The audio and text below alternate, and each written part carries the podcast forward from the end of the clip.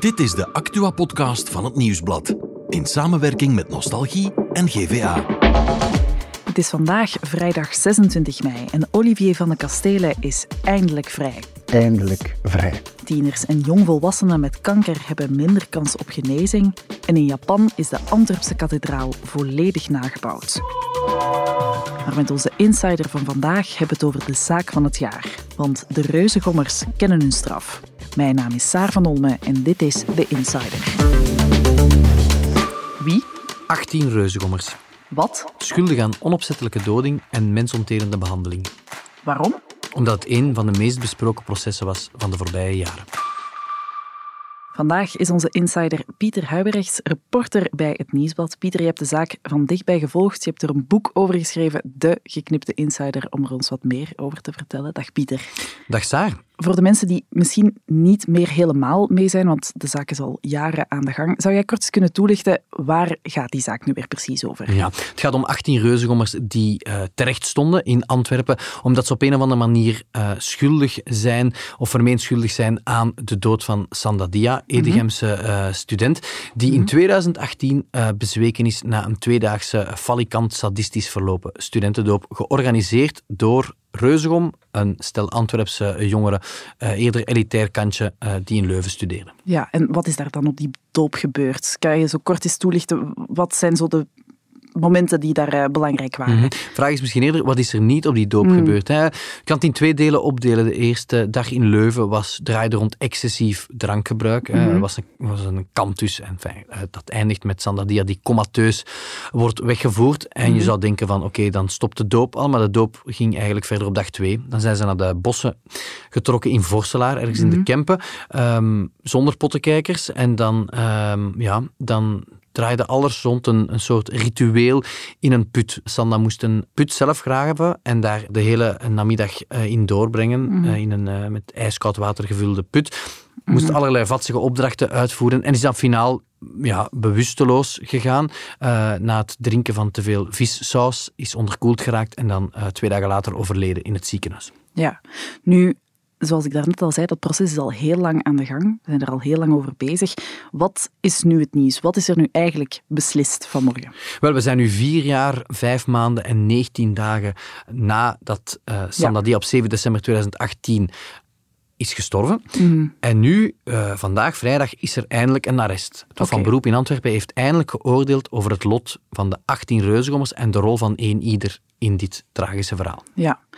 Die 18 reuzengommers die zijn schuldig. Welke straffen hebben ze gekregen? Ja, dat is natuurlijk wat iedereen wil weten. Van welke Tuurlijk. straf is daar nu ja. op geplakt? Misschien even uitleggen. Ze zijn schuldig bevonden aan twee kwalificaties. Ja. Mensonterende behandeling mm -hmm.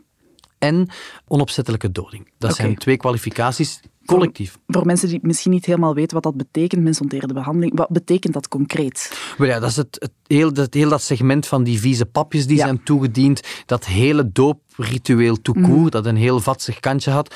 Die hele cyclus van opdrachten die geleid heeft tot het onopzettelijk doden, en niet het bewust doden, maar het onopzettelijk doden van Sandadia. En dat wordt allemaal onder de noemer geplaatst van mensonterend. Mm. Nu, um, je had het daarnet al kort aangehaald, die vissaus. Hè. Um, het toedienen van ja, giftige stoffen, als ik het goed begrepen heb, daarvoor zijn ze niet schuldig bevonden. Kan je dat kort eens toelichten? Waar gaat het precies over? Ja, de rechtbank stelt van, kijk, het is niet bewezen dat zij opzettelijk uh, die schadelijke stoffen hebben toegediend, eigenlijk ook met als doel om hem te kwetsen of te vernederen. Men komt er eigenlijk op neer in mensentaal. Niemand onder hen kon inschatten wat die gevaren van vissaus waren. Artsen en wetsdokters hebben het nooit kunnen uitklaren mm -hmm. uh, waarom het zo, zo gevaarlijk was. Laat staan dat twintigers uh, dat hadden kunnen doen. Dus voor die zware kwalificatie zijn ze vrijgesproken. Ook schuldig verzuim, opvallend, zijn ze vrijgesproken. En, en dat heeft dan geleid tot straffen. Uh, ze hebben allemaal werkstraf gekregen, variërend van 200 uur tot de maximum op te leggen werkstraf van 300 uur. Ja, je zegt het, werkstraffen hebben ze gekregen. Als we nu 24 uur terug in de tijd zouden gaan, had je dat verwacht, dat ze zo'n straf zouden krijgen? Eerlijk, nee. Oké, okay, nee. dat is Ik heb duidelijk. er veel advocaten over gehoord de voorbije dagen.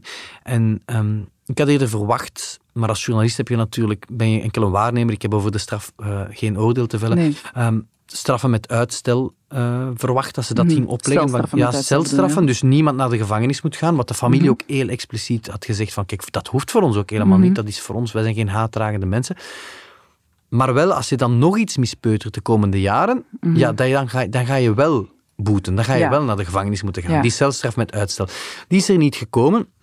En ik heb er al veel over nagedacht de voorbije uren, want je moet proberen los te koppelen die eerste reacties van oh, dat, dat arrest is zo mild. En dat gevoel leeft ook oprecht bij de familie. Ja. Maar dan moet je kijken van, kijk, wat is er wel opgelegd? Werkstraffen tot maximaal 300 uur. Ehm, misschien om even te kaderen. Dat wil zeggen dat die reuzengommers het komende jaar tussen de 2 à 300 uur, werkuren, uh, maatschappelijk werk moeten verrichten. Iets mm terugdoen voor de maatschappij. Mhm. Ehm, de meeste van die reuzengommers die werken al. Dat wil zeggen dat zij hun werkstraf in het weekend gaan moeten uitvoeren. Dat komt er eigenlijk op neer dat zij quasi elk weekend toch gaan moeten opdraven ten dienste van de maatschappij. Stel dat zij een celstraf met uitstel hadden gekregen, dat zweeft ergens boven hun hoofd, maar dan moet je hmm. concreet niks doen. Je moet niet naar de gevangenis en je moet ook niets doen. Dus dit is eerder een ja, concretere straf dan straf met uitstel gekregen? Ja, je kan dat uh, soort, ja, je kan dat pedagogisch bekijken en mm. men, men, hoopt, denk ik, namens de rechtbank dat die reuzengommers ja, die, die iets moeten doen, die moeten boeten in de maatschappij en hmm. er hopelijk iets uit leren dat het nooit meer zal gebeuren. Maar het impliceert ook wel dat zij uh, geen gevangenisstraf boven het hoofd hangen. Hmm. Je hebt het daar net al kort over gehad, de familie. Hoe hebben zij erop gereageerd daar straks? Ja, het was heel intens in de rechtszaal. Je moet mhm. weten, die mensen leven al vier jaar in spanning van kijk, mhm. komt dit hier goed? Komt er justice voor Sanda? Is er justice voor Sanda? Misschien voor een stuk, voor een mhm. stuk niet. Ik heb, ik heb ze gezien voor ze de hele persmeute te woord stonden. Uh, ik merkte heel veel opgekropte woede, frustratie, ontgoocheling, verdriet bij de papa. Mhm. Eh, de broer uh, hulde zich wat in stilzwijgen. Je voelt dat zij ja, een hele mix van emoties dat door hen gaat. Tuurlijk. Ik denk dat zij niet heel tevreden zijn met dit arrest. Nee? De vraag die je kan stellen is, ja, wanneer, wanneer ben je wel tevreden als burgerlijke partij? Sanda Dia is helaas overleden en ja, dat litteken blijft. Welke straf mhm. dat je daar nu wel of niet opplakt, uh, dat zal altijd heel emotioneel blijven. Tuurlijk, ja. ja er is ook al uh, een, een, storm aan reacties op, op sociale media uh, gekomen. Hoe denk jij dat dit zich zal evolueren in, in, in, onze maatschappij? Gaan mensen dit aanvaarden, die straf? Ja, ik, ik, moet zeggen, ik merk het in mijn mailbox ook. Er zijn heel veel gefrustreerde reacties. Mensen zijn boos, begrijpen het niet. Want ja, er is iemand dood en je mhm. moet niet eens naar de gevangenis. Gevangenis is natuurlijk de laatste straf die je oplegt. Hè. Mhm. Ehm, het laatste redmiddel ja, ik begrijp die, die ontgoocheling wel bij de mhm. mensen, want iedereen die niet in die zaal zit, denkt van ja, ze worden nu licht gestraft. Ja. Moet dat toch een beetje counteren, dat is onze job, denk ik, als journalist. Er worden werkstraffen tot 300 uur opgelegd, dat is niet niks. Mhm. belangrijk is, en dat is heel belangrijk voor de familie, en daar is discussie over momenteel, van komt het op hun strafblad? Ja, dat is inderdaad de vraag, want daar is heel veel verwarring over. Hè? Vertel eens, hoe komt dat dat we nu nog altijd niet weten of het op zijn strafblad komt?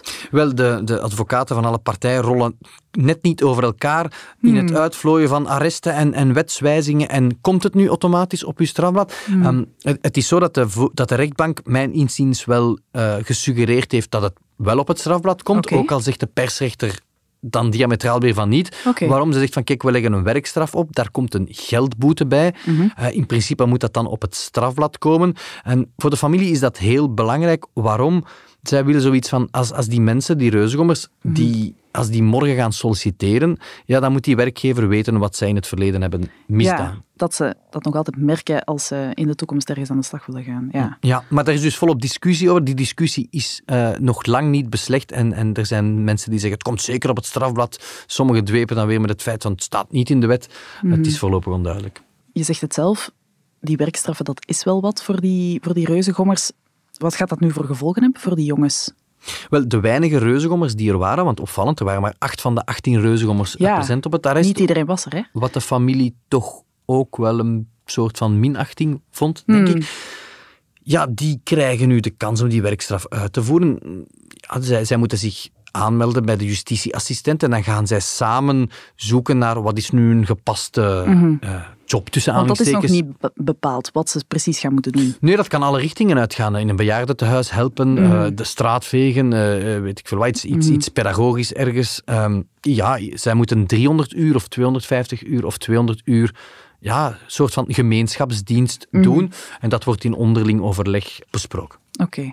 Nu, is het proces nu volledig afgerond? Of krijgt het nog een staartje? Want ik heb begrepen dat het eventueel ook nog naar cassatie zou kunnen gaan. Wat, wat is daarvan aan? Ja, ik denk dat het gaat stoppen nu. Uh, Waarom? De familie is het moe, iedereen is het moe. Ook die reuzengommers, uh, die zijn eigenlijk denk ik wel ergens tevreden met dit arrest. Hè. Die kunnen nu ook verder met hun leven. Ehm, in theorie kan je naar het Hof van Cassatie gaan. Hè. Dat is het hoogste rechtscollege van ons land. Mhm. Maar je kan dat enkel als er procedurefouten worden vastgesteld. Okay. Dus zullen advocaten zullen dat arrest bestuderen.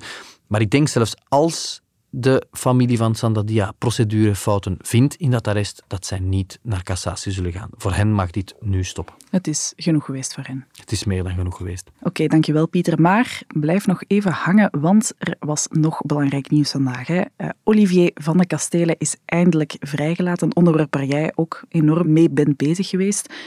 Vertel eens. Ja, onwaarschijnlijke nieuws onwaarschijnlijk? eigenlijk. Ja, een onwaarschijnlijke ontknoping. Mm Olivier van de Kastelen hangt op dit eigenste moment uh, in de lucht. Ja, we nemen deze podcast op uh, in de namiddag trouwens. Dus uh, ja, op dit moment inderdaad. Ja, hij is onderweg van Oman naar Melsbroek, waar mm -hmm. hij mhm. vanavond ja, na anderhalf jaar, na, na meer dan 400 dagen in een Iraanse cel, terug op Belgische bodem landt. Een, uh, onwaarschijnlijke ontwikkeling en, en groot nieuws. Hij is, uh, hij is geruild uh, in Oman tegen de, de terrorist die hier al de hele tijd vastzat, Assadollah Assadi. Mm. ja, zeer, zeer straffe ontwikkeling. Ja, je hebt het heel lang gevolgd. Je zegt het zeer straf. Waarom is dat zo onwaarschijnlijk dat, dat Olivier geruild is voor, voor iemand hier?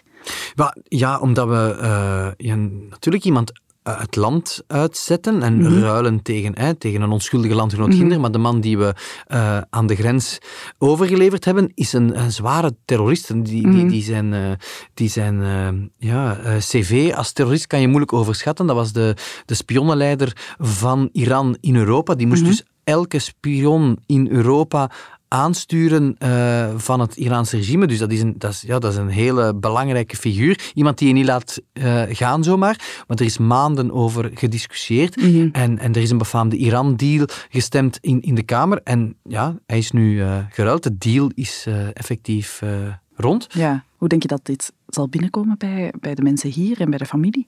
Ja, er is natuurlijk ongelooflijke blijdschap, opluchting dat ze Olivier van de Kastelen levend terugkrijgen. Uh, dat, is, uh, dat spreekt voor zich. En, en, vanavond dat zullen historische beelden worden op een tarmac in, in Melsbroek van, van, van Van de Kastelen die terug is, uh, mm. helemaal uitgemergeld, is vele tientallen kilo's kwijt. Um, ja, er is natuurlijk ook veel commentaar, want ja, we doen natuurlijk, we sluiten een deal met een schurkenstaat Iran en we ruilen... Een terrorist uh, die vrijgelaten wordt? Ja, we laten die vrij en die wordt dan ginder als een, als een held mm -hmm. in Teheran ontvangen. Dus ja, het is, uh, het is een, een schimmige deal, maar ja, de, de premier en, en, en minister uh, van Justitie van Quickenborne, ja, die focust natuurlijk op, ja, we hebben eigenlijk een onschuldige NGO'er die daar onschuldig vast had, gerepatrieerd, mm -hmm. die mhm. is levend en wel terug en dat is onze kerntaak en we zijn blij als land dat we iemand die ginder anders zou sterven, levend hebben teruggehaald. Mm Spannend dus, tot uh, Olivier vanavond terug bij ons is. Dankjewel, Pieter. Graag gedaan.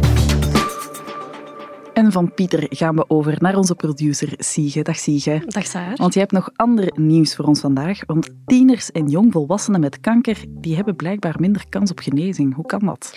Ja, dus tieners en jongvolwassenen die de diagnose van kanker hebben gekregen, die belanden eigenlijk vaak op de kinderafdeling of juist tussen veel oudere lotgenoten. Oké. En dat heeft eigenlijk negatieve gevolgen voor de kans op eh, hun genezing. Want mhm. bijvoorbeeld een twintiger kan op dezelfde manier worden behandeld als een 70-jarige persoon. Mhm. Dat wil zeggen dat de dosering van chemo dat hij krijgt, dat die veel lager ligt dan dat zijn lichaam eigenlijk aan kan. Okay. Een jong lichaam kan een hogere dosis aan. Mhm. En um, dat zorgt er dus voor dat de kans op genezing veel lager ligt. Mhm. Dus dat is echt een, uh, een probleem. Oké. En blijkbaar kunnen we een stukje Antwerpen in Japan terugvinden. Wat is daarvan aan? Vertel me daar meer over. Ja, dus in de havenstad Fukuoka uh, is eigenlijk een, een, complete remake van de Antwerpse kathedraal teruggevonden. Straf? En echt een complete remake. Dus okay. De de, ramen zijn helemaal hetzelfde. De schilderijen hangen op dezelfde plekken in, uh, tegen de muren. Mm -hmm. En ook de niet afgewerkte tweede toren staat daar ook.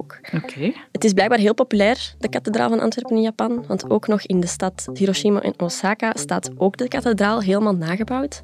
En uh, de kathedraal is zo populair in Japan omdat daar het verhaaltje van Nello en Patrash heel populair is. Nello en Patrash, vertel nog eens, waar gaat het uh, nu weer over, dat verhaal? Dat is eigenlijk een verhaal over een straatjongetje met zijn trouwe hond die mm. stierven in de kathedraal kathedraal onder een schilderij van Rubens. en dat is daar verplichte literatuur blijkbaar. Dus super bekend en daarom dat ze dat dus wilden nabouwen en dat dat nu ook als trouwlocatie dient. Oké, goed. En uh, ja, dat kost ook wel geld, denk ik, als je daar uh, wil gaan trouwen in de Antwerpse kathedraal. Ja, inderdaad. Het prijskaartje is echt wel hoog. Uh, het kost blijkbaar 10.000 euro per 30 gasten dat je Oei. uitnodigt. Oké, kleine trouw dan, denk ik. Ik zou er gewoon niet gaan trouwen, denk ik. ik ook niet, denk ik. Dankjewel om het hier ons even te komen uitleggen, Siege. Dan zijn we er dinsdag weer met een nieuwe Insider.